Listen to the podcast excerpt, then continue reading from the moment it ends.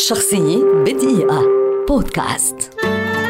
نيكولا تسلا مخترع وفيزيائي ومهندس كهربائي وميكانيكي صربي.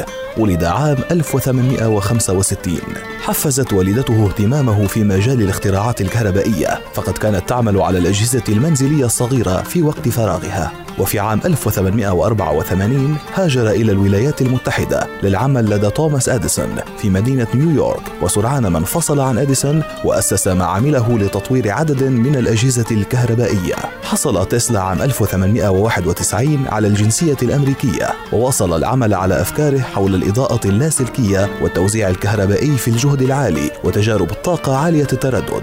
وصرح عام 1893 بإمكانية إجراء اتصال لاسلكي بأجهزته. وحاول تنفيذ أفكاره تلك بمحاولة عمل بث لاسلكي عابر للقارات في مشروعه غير المكتمل برج واردنكليف. كما أسهمت ابتكاراته في تقدم الإنسان الآلي والتحكم عن بعد والرادار وحتى علوم الكمبيوتر والهاتف المحمول والتمدد البالستي والفيزياء النووية والفيزياء النظرية.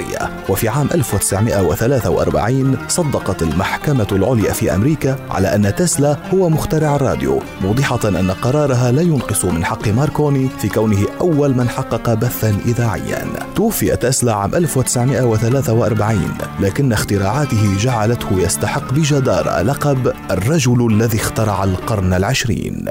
شخصية بدقيقة. بودكاست.